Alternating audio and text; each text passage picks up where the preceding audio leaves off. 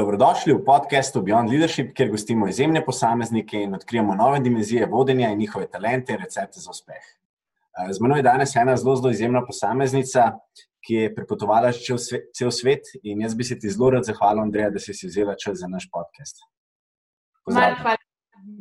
Pozdravljen. Zdaj, tako kot vsakega našega gosta, um, jaz rad naredim nek, neko predstavitev, da malo vidimo, kakšne so tvoje dimenzije, kaj počneš in da se v bistvu podamo v, v tvoj svet tako da jaz bom zdaj uh, malo predstavil. Zdaj, uh, Andreja Cavnik, uh, ti si Fortune 500 coachinja, si ICF uh, coachinja, PCC coachinja, Tony Robbins results coachinja in pa business results trainer. Zdaj za seboj ima že več kot 3300 ur coachinga, top level executive managerjev iz celega sveta. Več kot šest let si preživela v Londonu, kjer si delala za v bistvu najprestižnejšo in najmočnejšo nepremičninsko agencijo Hamptons International potem si eno leto preživela v Kaliforniji, sedaj pa štiri leta na Novi Zelandiji. Wow, tudi tega se bo pa tudi dotaknila. Uh, imaš izjemne izkušnje dela s korporacijami, uh, ki se ukvarjajo predvsem z inoviranjem kulture, iskanjem novih poslovnih modelov, transformiranjem mindseta in pa postavljanjem shadow in talent programov. Uh, dela si z velikani kot je Apple, Vodafone, Citigroup, Microsoft ter drugimi Fortune 500 organizacijami, kar je res in zelo, zelo impresivno. In mi je všeč, ker slišimo, da kakšen slovenc v tujini eh, dela izjemne stvari. To mi je zelo, zelo, uh, sem zelo ponosen. Uh, njena posebnost pa je v bistvu delo ena na ena z različnimi C-level menedžerji, s katerimi ustvarjaš in kreiraš nove razsežnosti. Uh, v svoji karieri si imela že preko 320 strank iz več kot 32 držav. Uh, leta 2016 je odprla tudi svoje podjetje, in pa 2017 je se pridružila osebi, ki jo verjetno vsi poznamo in je en izmed izjemnih coachov in motivatorjev, Tony Robbins. Tako da dobrodošla, Andreja, živijo. Živijo, Mark, najlepša hvala še enkrat. In ja, wow, sem kar malce zdrdela ob eh, tej predstavitvi, zelo eksaktna. Uh, seveda, hvala za, hvala za to. Zdaj, jaz sem imel zelo veliko željo, da te dobim na naš podcast, ker si zelo leteča in uh, si v bistvu imaš stranke iz celega sveta. Um, in jaz, ko me čakam, in se zelo veselim, da spoznajo tudi ta svet, uh, ki ga ti predstavljaš. Ampak moje prvo vprašanje, uh, ki ga moje poslušalce že poznajo, je uh, kakšna si bila gimnazija? Si bila zmer taka, da si hotela, uh, ne vem, ne pamet soliti, ampak dejansko usmerjati ljudi. No, no, v gimnaziji sem bila predvsem nasmejana. Imela sem zdevek sonček, v gimnaziji sem bila res zelo fokusirana na šport, trenirala sem borilne veščine, uh, zelo rada sem uh, se družila s šolci, s šolkami, potovala. Uh, tako, zanimale so me razno razne stvari, vsekakor pa mogoče še v gimnaziji um, nisem bila uh, nekako usmerjena v, v vse te stvari, ki jih danes počnem. V gimnaziji sem sanjala o tem, da bom nekega dne detektivka oziroma forenzika, forenzika pa ti krni delik ki so me izredno zanimali. Uh, in sem potem tudi šla na študij, uh, na študij kriminalistike in varnostne vede v Ljubljano, uh, kjer sem potem tudi zasledovala to. Tako da to bi rekla, no, gimnazija je bila bolj nasmejana, pa free za me. Super. Da mi boj, daj si se pa odločila, da greš v tujino, ker dejansko deset let živeti v tujini je kar lep dosežek. In verjetno ti mora dati uh, ogromno nekih novih pogledov, dimenzij novih izkušenj. Tako da, daj, daj si se odločila za ta, za ta korak. Uh, ja, že kar nekje v gimnaziji bi rekla. No? Se mi zdi, da vedno, odkar se spomnim, sem govorila, da ko doštudiram, bom pa vsekakor se preselila v eno od svetovnih metropol, uh, da vidim, kaj, kaj mi lahko svet ponudi. In potem, ko sem doštudirala, sem dejansko tudi to naredila. Da, um, wow, super. Ja.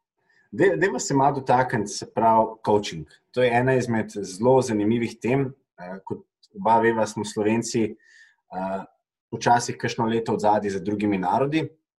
In coaching tudi v Sloveniji zdaj prihaja do svojega pravega pomena.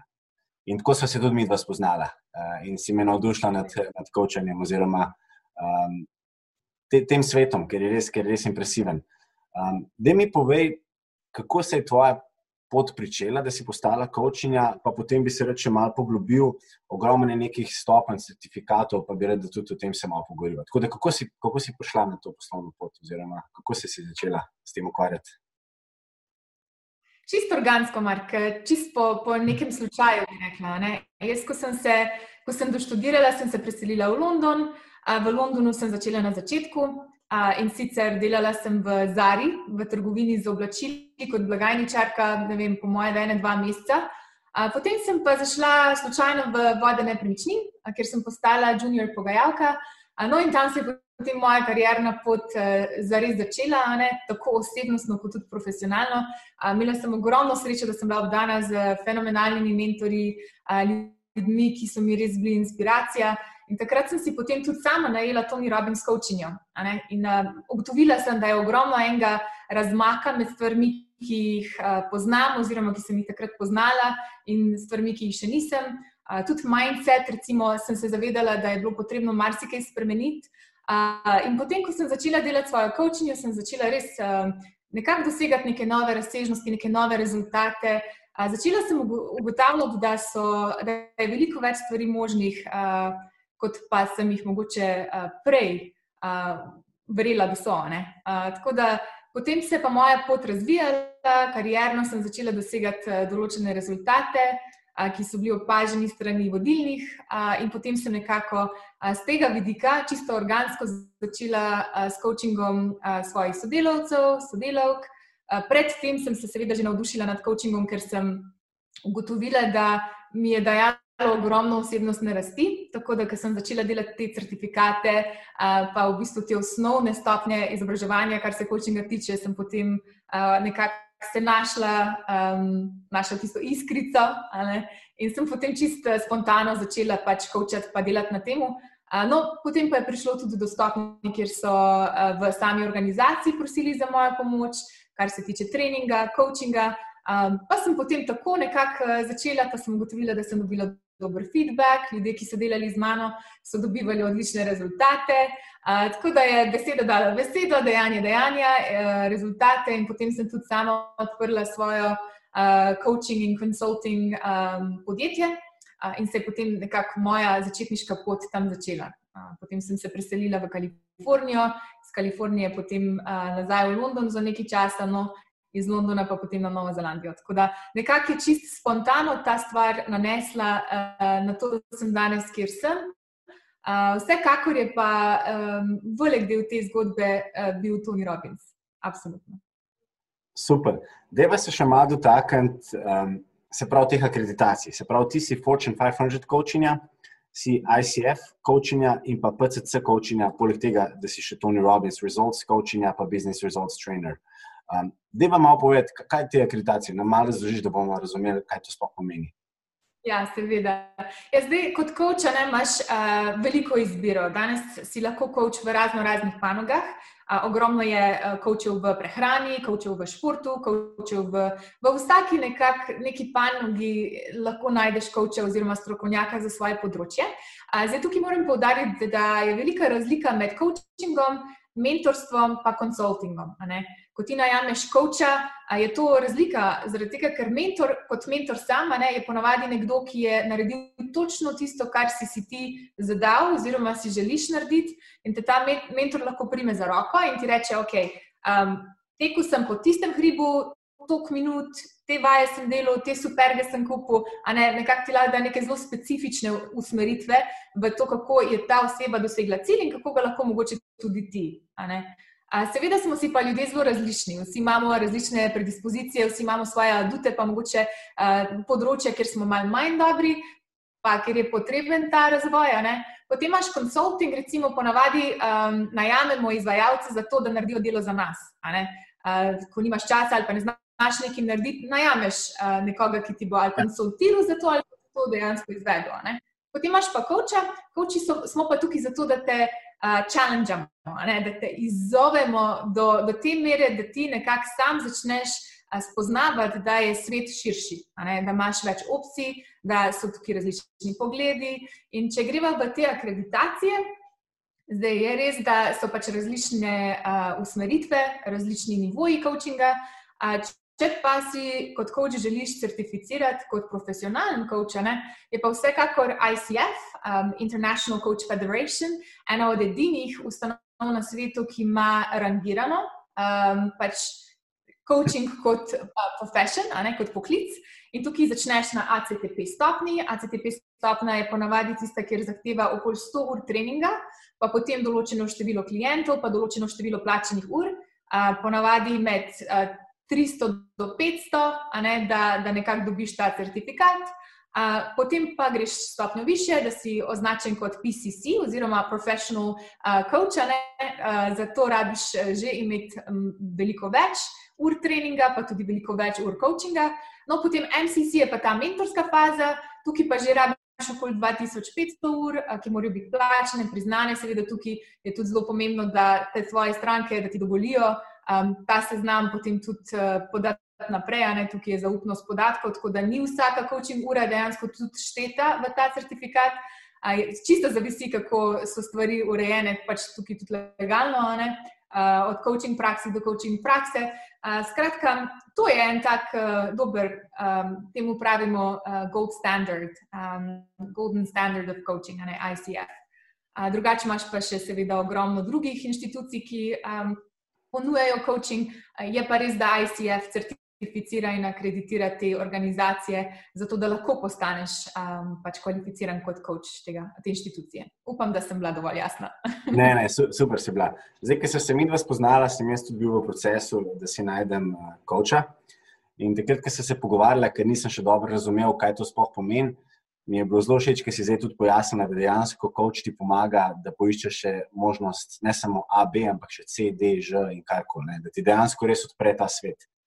Zdaj, da te malo challengem, ali imaš ti tudi koča svojega, kot kočinja? Absolutno. Absolutno. Jaz mislim, da ne samo kot kočinja, ampak na splošno. Jaz, odkar sem si najela prvo kočinjo, uh, sem imela srečo, res to je bila fenomenalna kočinja. Um, mislim, mogoče res tudi zato, ker mi je to bil prvič. Uh, Prvič, prvič sem imela tako izkušnjo, ampak od takrat naprej svetu mislim, da jaz sem boljša, za svojo coachinjo oziroma coachemi nimam samo enega, jih imam več. Uh, imam vedno life coachinjo oziroma business coachinjo, odvisno, če to najdem v eni osebi, super, če ne, si seveda poiščem pomoč druge. Uh, vsekakor pa imam to možnost, da imam tudi mentorja, uh, kar se coachinga tiče, zato da je moj coaching uh, če dalje višji oziroma boljši, um, pa seveda potem je tudi ta business aspekt, uh, zato ker smo vsi uh, na nek način. Um, ko prideš do sebe, pa do svoje prakse, um, se pač tudi tam treba izobraževati, oziroma iti naprej. Uh, tako da, vsekakor sem ogromna zagovornica tega. Dobro, tudi, tudi, jaz sem, tudi jaz sem en velik zagovornik, da je treba skozi vlagati v svoj napredek in jaz zelo, zelo veliko vlagam vase. Okay, zdaj, glede na to, da ti um, delaš z 32 različnimi uh, državami, strankami in si razpeta med štiri kontinente, Ameriko, Avstralijo, Eh, Novo Zelandijo in Evropo, mora biti tvoj delovni dan precej naporen, če upošteva vse časovne cone in pa dejansko, da ima vsak posameznik svoje zile. Tako da, da ne malo piš, kako izgleda tvoj delovni dan, če, pa če imaš kakšno posebno rutino. Absolutno. Ja, zjutraj uh, ponavadi vstanem okoli šestih, malo mal pred šesto, uh, rada naredim priming, kar je tudi Tonijeva tehnika meditacije. Uh, Ampak je zelo aktivna meditacija. Ne? Tukaj se najprej začneš uh, osredotočiti na vse stvari, za katere si hvaležen v svojem življenju. Potem pa nekako tudi postaviš intention, se pravi ta namen za dan. Kaj boš dosegel v tistem dnevu, kaj boš dosegel v tistem tednu, nekako se na te večje uh, cilje osredotočaš, da, da imaš tisto pred mislimi. Uh, no, potem, potem pa zelo rada uh, posvetim. Um, ponavadi jutra rada posvetim tudi izobraževanju, ne, da kaj dobrega preberem, oziroma da si misli napolnim uh, s pozitivno vsebino, z motivacijsko vsebino. Se pravi, zjutraj se na vsak način izognem novic ali pa karkoli, kar bi mi lahko dajal. Karkoli, kar ni pozitivnega, ne, pa koristnega. A, tako da z tega vidika, potem, ko začnem dan, je ponavadi najprej za Avstralijo in Novo Zelandijo, zaradi časovnega pasu, ne, Pa je pa čisto odvisno. Imam ena na ena coaching sešne, potem imam treninge z celotnimi ekipami, pa imam tudi masterminde, se pravi skupinski coaching podjetnikov. A, tako da tukaj je tudi veliko priprave, um, pa potem tudi ne, sama izvedba. Vsak dan je zelo raznolik um, in zelo zanimiv, tako da tukaj dela ne zmanjka, da si ga moram zavestno prekiniti, pa vzeti pač čas zase. Vsekakor pa vsak dan poskušam, poskušam zavestno nameniti tudi rekreaciji. Zdaj, trenutno med tole situacijo, ne lockdowna, imam trikrat na teden preko Zuma zjutraj personal training, uh, se pravi ta funkcionalni trening.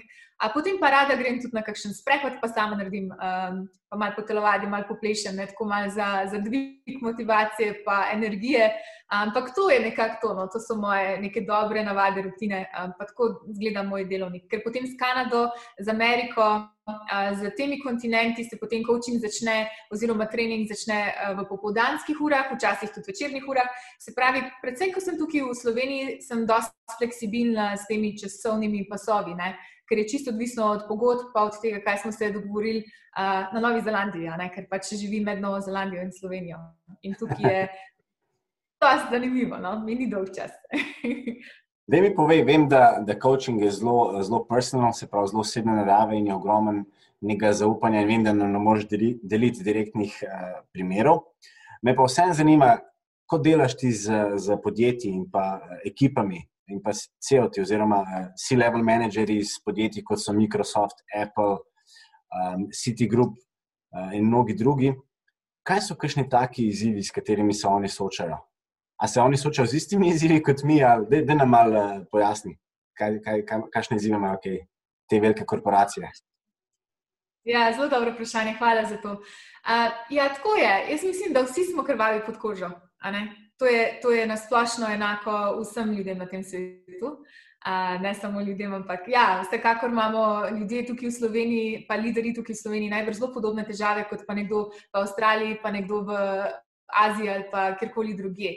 Um, mislim, da v principu se ogromno vodi, še posebej v našem času, zelo fokusira na uh, to emoci uh, emocionalno inteligenco. Uh, to, da, da znajo ne samo voditi, ampak da znajo vplivati, influencati. Se pravi, ta influential uh, aspekt vodenja je tukaj zelo pomemben. Um, ta konstruktivna komunikacija, dajanje konstruktivnega feedbacka, uh, neka podpora, spodbuda, mentoriranje, coaching svojih zaposlenih. Um, to, recimo, da ti ustvarjaš ne, um, ne nekih sledilcev, ampak ljudi, ki so samostojni, ljudi, ki hočejo biti tam, ne, ki hočejo nekaj narediti v dobrobit firme, ki, ki čutijo nek uh, ownership oziroma neko to poslanstvo za to, da, da delajo delo, um, ki je dobro upravljeno. Ne. Tako da jaz mislim, da uh, tukaj na splošno, kar se coachinga tiče ena na ena, uh, je zelo ogromno tudi potem um, ukvarjanja z egom. Vsekakor, ne, zelo dobri vodje, tisti, ki ponavadi imajo zelo visok ta decisive aspekt, se zavedajo, da včasih znajo biti premočni. Um, pa, pa, pa je res ogromno uh, čudovitih vodij, ki potem to znajo zelo lepo zbalansirati in pravzaprav um, je to potem superpower, ne pa, ne pa kontra. Ne? Tako da take, take situacije se mi zdi, da so dosti pogoste. Zdaj, omenila si ego in jaz. Uh... Priznam, da sem imel tudi v mlajših časih precej izzivov s svojim egom, pa še zdaj včasih se najde kakšen dan, Uh, ampak me pa zelo zanima, kakšen je občutek, ko prideš ti v, v podjetje kot je Apple, ki je trenutno uh, prvo, ki je doseglo market cap 2 trilijona dolarjev, kar je noro. Kakšen je občutek, ki rečeš, wow, jaz pa, jaz pa kočam ali pa imam osebo ali pa osebe, ki so top uh, na svetu. Um, to, to, piška, to mora biti res izjemen občutek. No? Da imaš enega tazga pred sabo, ki je dejansko res uh, trendsetter, ki ima ogromno moč pri svojih odločitvah. Ja, najprej bom rekla dve stvari, ki si rekel, da tudi sam se še vedno spopada z egom. Mislim, da je to um, konstantna stvar, ki se nikoli ne neha. Ljudje se imamo vedno nekaj za naučiti ne? in iz vsake situacije, še posebej, če se izpostavljaš novim situacijam kot vodja vsak dan, uh, je tukaj pač je to neizogibno. Vsekakor. Um, tako da z vidika pa ne samo z ljudmi, s katerimi delam, ampak tudi s podjetji, z temi večjimi korporacijami, s posamezniki. Um, vsak je po svoje izjemen. In se mi zdi, da ena stvar, ki jo ima ogromno teh posameznikov skupno, um, je dosti krat izredna skromnost. Uh, to so ljudje, ki se zavedajo, da niso otok. To so ljudje, ki se zavedajo, da ne glede na to, koliko let ima določena oseba, koliko let izkušenj imaš, ne glede na to, iz kje izhajaš, se ti posamezniki zavedajo, da se imajo nekaj od vsakega, ki jim prekriža pot, za naučiti. In se mi zdi, da ravno to je tista um, čudovita lasnost uh, vodi.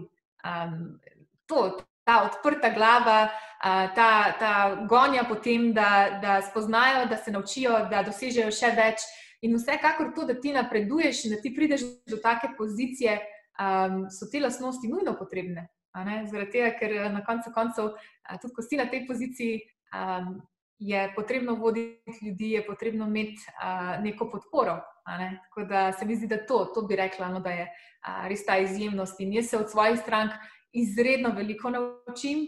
Uh, in uh, ja, bi rekla, da čisto vsaka od mojih strank uh, je z mano zaradi tega, ker si želi biti še boljša, oziroma si želi uh, prilagoditi, oziroma naučiti uh, ravnati v določenih situacijah uh, ali drugače, še boljše.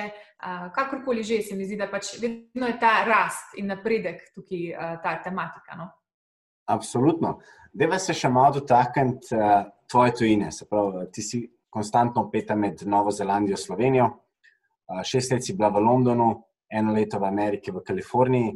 Tako da, koliko se tebi zdi danes? Jaz veliko se pogovarjam z različnimi vodji, predsedniki uprav, direktorji, tudi mlajšimi podjetniki.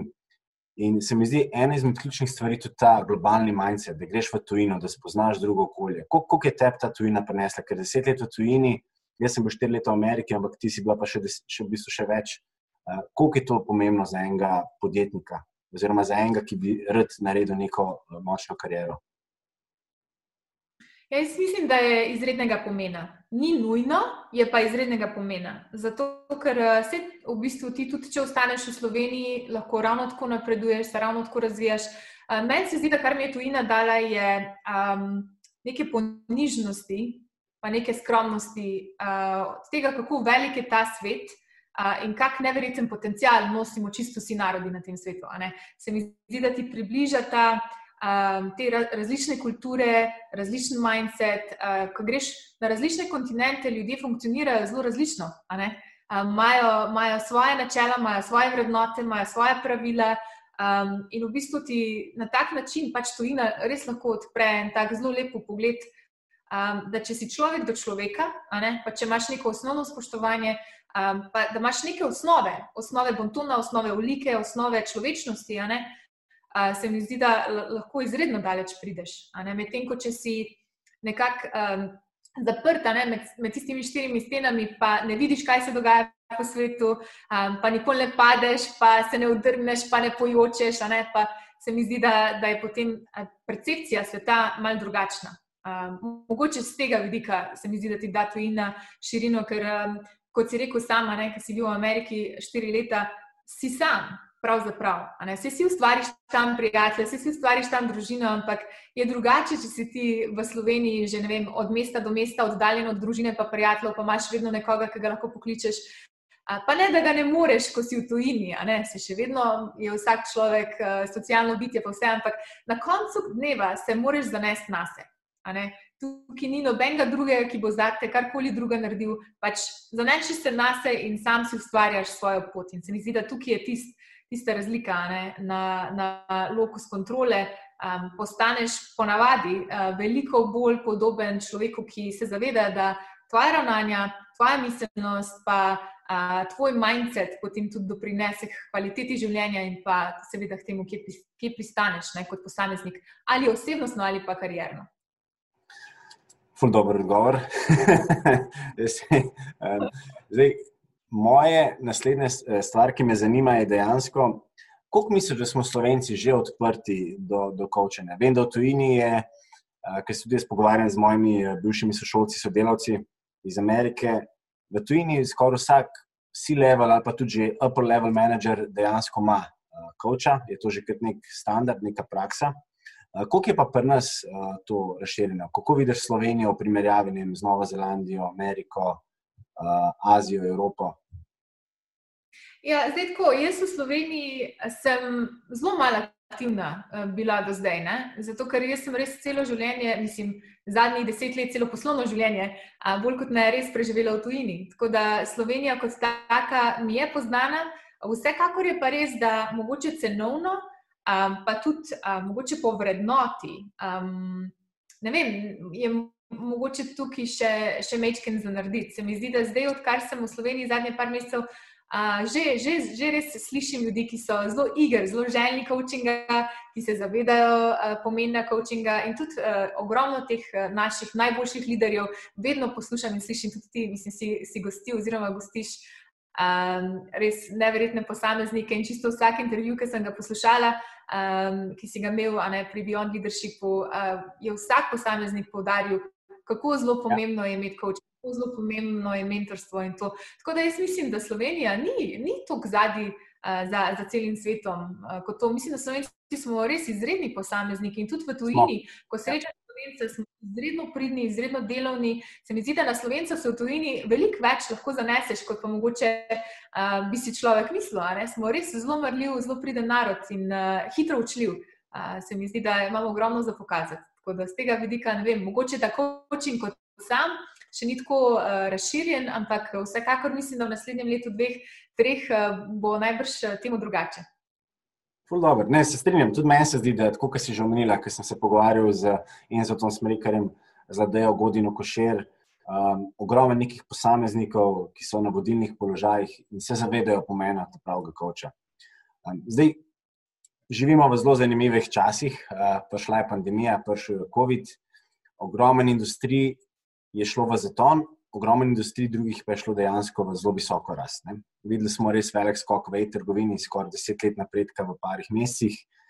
Um, digitalizacija je šla zelo naprej. In me zanima, kako je pa pri tvojem poklicu, pri coachingu. Uh, pri, pri coachingu. Je, si videla zdaj porast od teh uh, posameznikov, ki jim pomagaš, od teh top C-level menedžerjev?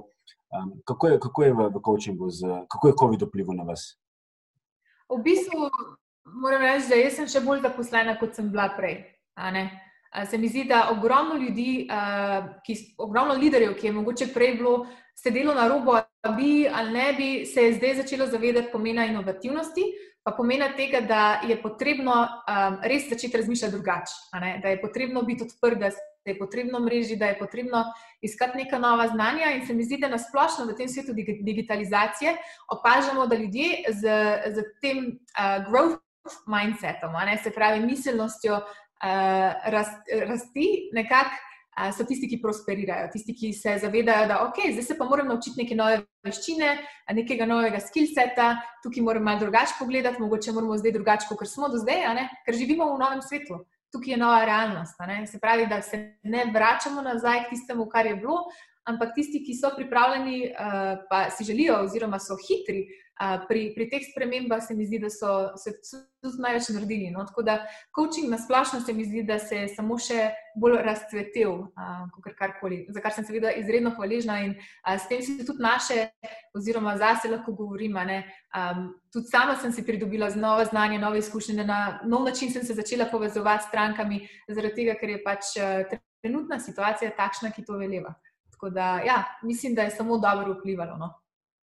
Da mi poveš, američani imajo en zelo zanimiv pregovor, oziroma ne, ne to pregovor, kot je besedno zvezo. Uh, temu rečejo, da je aha moment. In jaz sem imel že kar nekaj aha momentov v svoji karieri. Uh, a si imela ti kakšen tak trenutek, ki si si rekla, jaz pa hočem to delati do konca življenja, jaz pa uživam v svojem delu, želim pomagati, želim širiti svoje znanje.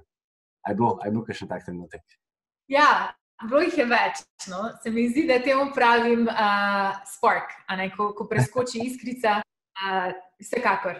vsekakor je bilo ogromno teh momentov. Se mi zdi, da še posebej na uh, tisti prelomni točki za me, ko sem postala uh, del Tonijeve ekipe, ne, ko me je Toni uh, najel kot podizvajalko.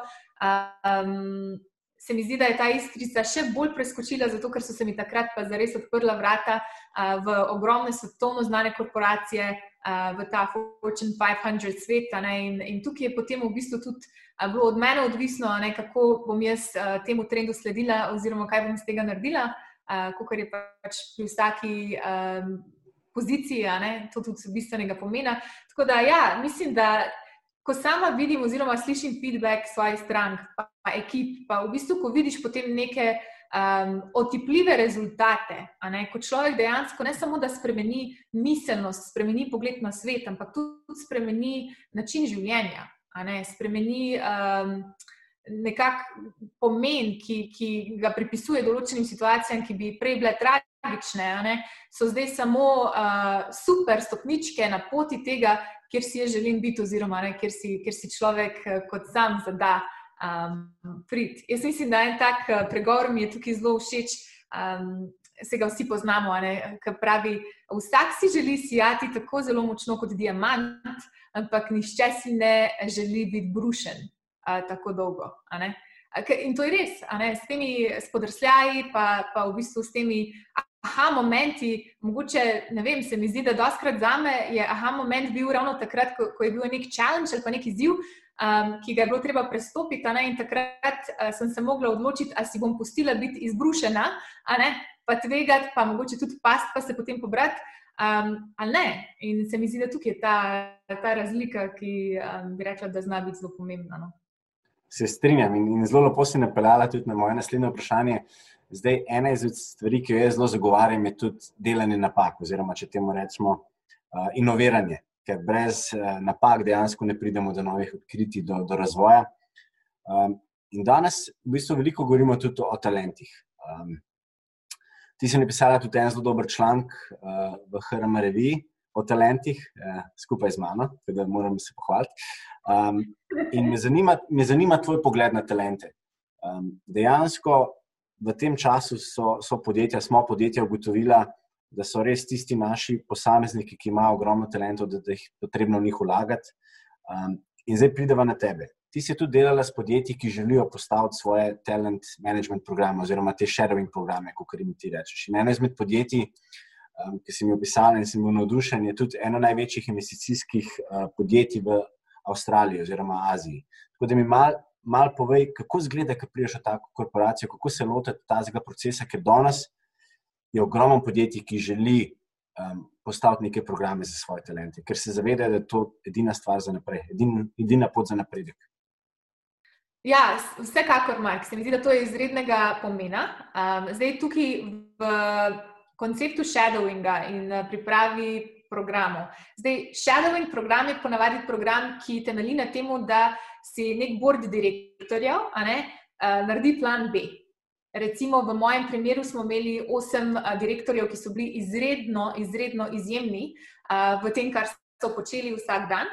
Znali so zelo hitro prepoznati, kaj je dober del, kaj ni, znali so se pogajati. Mislim, tu so bili ljudje res iz različnih strok, uh, ampak kaj se zgodi, recimo, če ti eden od teh izjemnih posameznikov, ki je ključnega pomena za organizacijo, ne, pa reče jutri, hej, uh, jaz si pa zdaj želim nečesa novega, ne, jaz pa rabim nov izziv.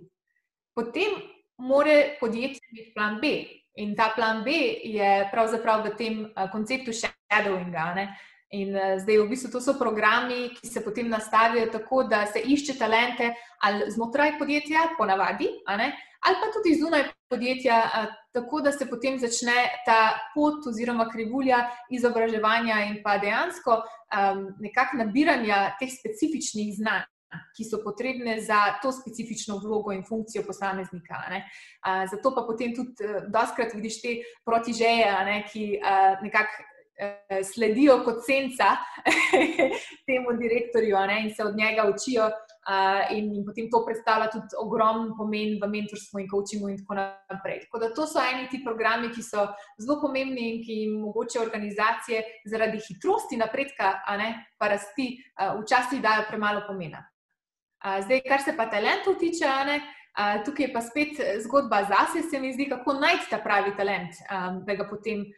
Nekako znaš upeljati in uvesti v to zgodbo. Ne? Tukaj se mi zdi, pa, da je bistvenega pomena, iskati ljudi s pravo miselnostjo, s pravim mindsetom. Jaz tukaj ločim, tukaj je ena znanstvenica iz Stanforda, Carol Dweck, uh, se uh, je ime. Je napisala izjemno knjigo o growth versus fixed mindset. In tukaj je tudi to, na kar sem jaz izredno pozorna, ko se gre za, za iskanje talentov. Se pravi, posameznik, ki ima miselnost rasti, je ponavadi posameznik, ki je zelo um, aktiven, aktiviran, zelo ambiciozen, ki ve, kam gre, ki se zaveda, da pač je njegova pot, njegovo življenje, njegova količina prihodka, ne, a, njegov lifestyle, a, totalno v popolni meri odvisna od njega samega, ne, od njegovih akcij oziroma ne akcij. Ne, ker tudi, ko ne naredimo nečesa, v bistvu se odločimo, da pač nečesa ne bomo imeli. Ne, ali so to nova znanja, so to nove veščine. Um, se pravi, da v kontrastu ne, pa imamo potem to miselnost uh, fiksnosti oziroma stagniranja. Ljudje, ki si mislijo, ja, takšen pač sem, tako je, tako službo imam, tako življenje imam, nič ne morem spremeniti in to je to. In tukaj se mi zdi, da sta te dve poglavitni razliki, uh, ko se išče talente, zaradi tega, ker Um, sama sem mnenja, da če ti najdeš posameznika s pravo miselnostjo, pa drivom, ne, da se hoče naučiti, da hoče spoznati nove stvari, da se vidi nekje uh, v neki vlogi, ne, bo ta posameznik najbrž pripravljen vlagati ne samo več ur, ampak tudi uh, ogromno ene osebne motivacije bo imel za to, da se bo določeni stvari hitreje naučil, uh, tudi če mu nikoli prej niso bile poznane. Tako da z tega vidika se mi zdi, da to, to je res ena taka. Um, istočnica, no, ki, bi, ki bi znala biti zelo pomembna pri talentih. Top. Zdaj, ogromno uh, se pogovarjamo, glede na to, da je to uh, Beyond Leadership skupina, je uh, kar nekaj tem posvečenih tudi vodenju, ne, oziroma vodji prihodnosti. In tudi jaz imam to, to priložnost, oziroma to uh, možnost, da dejansko res na podcestih imam res same izjemne posameznike in posameznice. Tako da hvala še enkrat. In me zanima, ti delaš z ljudmi, ki so res na, na zelo močnih položajih, ne, v zelo močnih korporacijah, ki jih vsi poznamo, ki dejansko postavljajo neke trende. In me zanima, ali opaziš, da imajo te ljudje kakšne lastnosti, ki so si podobne. Ker ogromen vodi uh, danes mora biti in mora imeti zelo visoko čustveno inteligenco, uh, mora imeti zelo visoko digitalno inteligenco, ogromno teh nekih faktorjev. Me zanima, si ti opazila pri teh izjemnih posameznikih, ki jih imaš, da imajo kakšno skupno točko? Sem. Kakšen recept, za, skriven recept za uspeh? ja, mislim, da smo se tega že prej dotaknili, ampak eh, jaz mislim, da sama prepoznavam uh, lastnosti v teh liderjih, s katerimi kočam in delam. Uh, da so to ljudje, ki, so, ki dajo ogromno veliko pomena na avtentičnost. Da so v prvi vrsti avtentični lideri, se pravi, da um, delajo to, kar govorijo. Ne? Ti ne moreš zahtevati od posameznika nečesa, česar sam ne delaš. Ne? Moš biti točen v službi, sam pa zamudiš dve uri. To bi bil nek vzgled. Ne? Ja. Um, po drugi strani so tudi to posamezniki, ki se mi zdi, da se zavedajo pomena. Um, da prosijo za pomoč. In se mi zdi, da če ti človeka spoštuješ, če ti svojega sodelavca spoštuješ, mu pokažeš, da je vreden, da je koristen, da mu zaupaš. Več, ko mu zaupaš, več, ko delegiraš, se mi zdi, da bolj se ta človek potem počuti vrednega in pomembnega. Ne? In potem, ker naenkrat si obdan z liderji, si obdan z ljudmi, ki a, si želijo doseči in ki znajo dvigniti težo in jo sami popeljati, tudi če ti ne zmoreš. Ker dejstvo je, da smo vsi ljudje. In uh, doskrat ti lideri um, se zavedajo tudi tega pomena, um, ki se mu v angleščini reče vulnerability, se pravi ranljivosti, da nismo vsi za vse, Uh, in tudi ti lideri se zelo zavedajo, da se morajo obdati z ljudmi, ki so boljši od njih, za strokovnjaki na svojih področjih. Zaradi tega, ker vsi ne moramo biti strokovnjaki za vse. Uh, če hočeš biti najpametnejši v sobi, potem po vsej verjetnosti ne boš naredil veliko. Ja.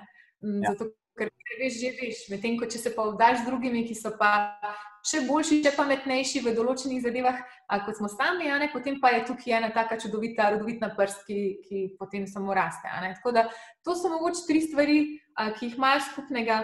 A, četrta je pa ta, se mi zdi, ena, ena najpomembnejših.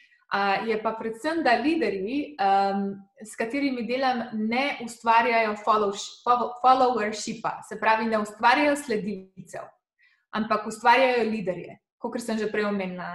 Ker ti, če ustvarjaš sledilce, potem moraš konstantno tem ljudem govoriti, kaj morajo delati. Če pa ja, ti ustvarjaš liderje, pa ljudje tudi takrat, ker tebe ni zraven, se pravi, brez tvoje prisotnosti. Bo človek samo inicijativen in inicijativen bo uporabil svoje možgane in bo rekel: OK, glede na preteklost, oziroma glede na, na to, kar, kar je potrebno narediti, ne, se bomo pa znašli na drug način. Tako da se mi zdi, da to bi bile tiste nujne kvalitete, no, ki jih opažam, da imajo ti ljudje skupnega. Top, ful, ful dober. Um, jaz bi se reče malo dotaknil uh, tvojega osebne osebnega življenja. Me zanima, kako pa ti potem uh, handlaš svoj stres. Da se malo lotiti stres managementa, ki je danes ena izmed zelo pomembnih tem, sploh glede na to, v kakšnem obdobju živimo. Ja, vsekakor, vsekakor. Jaz spet tako, ne, jaz priznam, da jaz imam dosta rada pozitiven stres. Jaz tudi, če ga nisi, ga naredim. se pravi, pozitiven stres mislim na način, da pač konstantno se moram z nečim ukvarjati, konstantno so tu določeni projekti.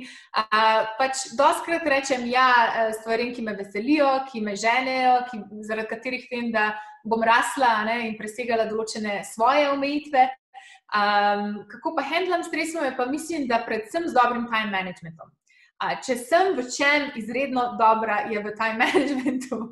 Po navadi, no, mislim pač res spremljam Tonija že vrsto let in uh, to sem dobila od njega kot njegova kočinja. Imam ogromno super sistemov, uh, ki sem jih implementirala tudi zase in odkar sem jih, se mi je življenje spremenilo na pozitivno, še bolj, zato ker zdaj res se predvsem fokusiram na, na stvari, ki so pomembne. Vse imaš stvari, ki so nujne, uh, ampak stvari, ki so pa pomembne, so pa tiste ponavadi, ki nam dajo večji rezultat na koncu, uh, za mogoče manj truda.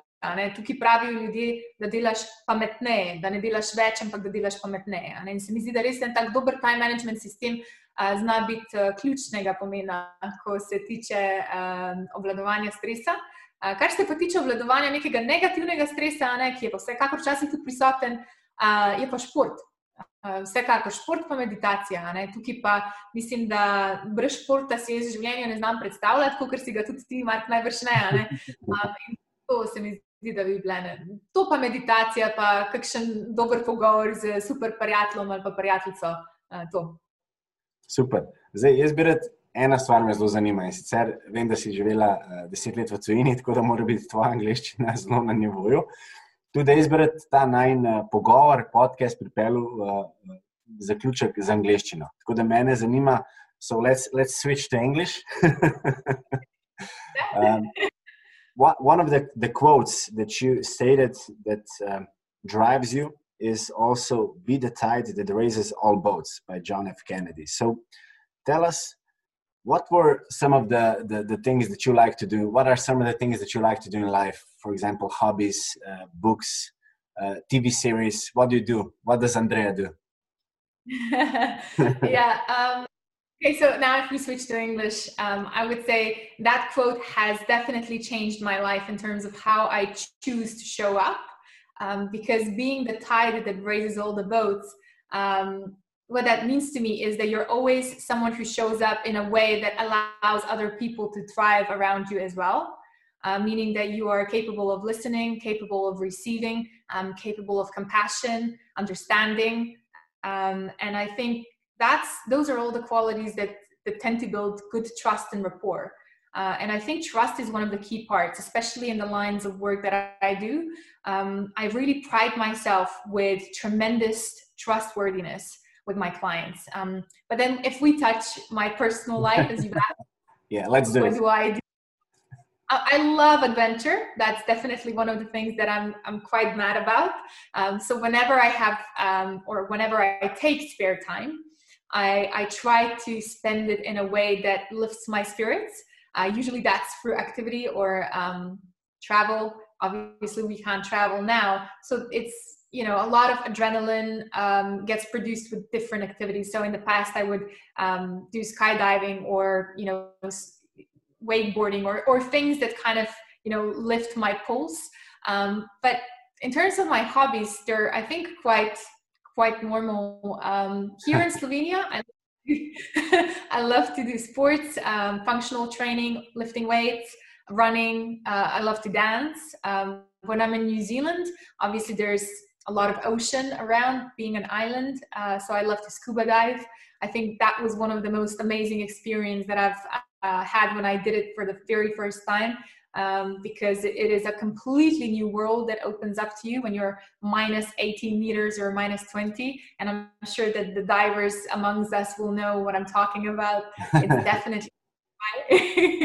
um, and um, I would also, I mean, I, I'm still learning how to surf as well as I'm still learning how to snowboard.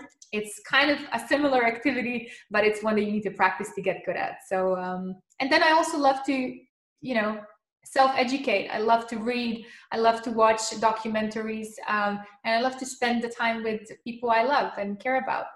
So. Tell us, tell us, uh, what are your recent, uh, let's say, TV shows? Uh, Netflix has become one of the the main things in our lives during the pandemic. So, what what are some of the TV shows that you follow? Well, I have to be honest that when the pandemic started, I actually have not uh, switched on TV okay. for for months. Um, but uh, I have taken the time to watch uh, the Queen's Gambit, uh, all about chess and playing chess. That was phenomenal. Uh, and I also love watching series like uh, The Crown, uh something to do with you know historic events that are kind of made available to us in a different light for movie. Um, so things like that. I, I did when I was younger, and I still do. I think uh, Modern Family, Friends, and How I Met Your Mother are the three series that I will always, always love and laugh when I watch them. Yeah, that would be my answer. I have to agree with you completely. Um, who is one of your, let's say, not role models, but entrepreneurs that you follow and you admire?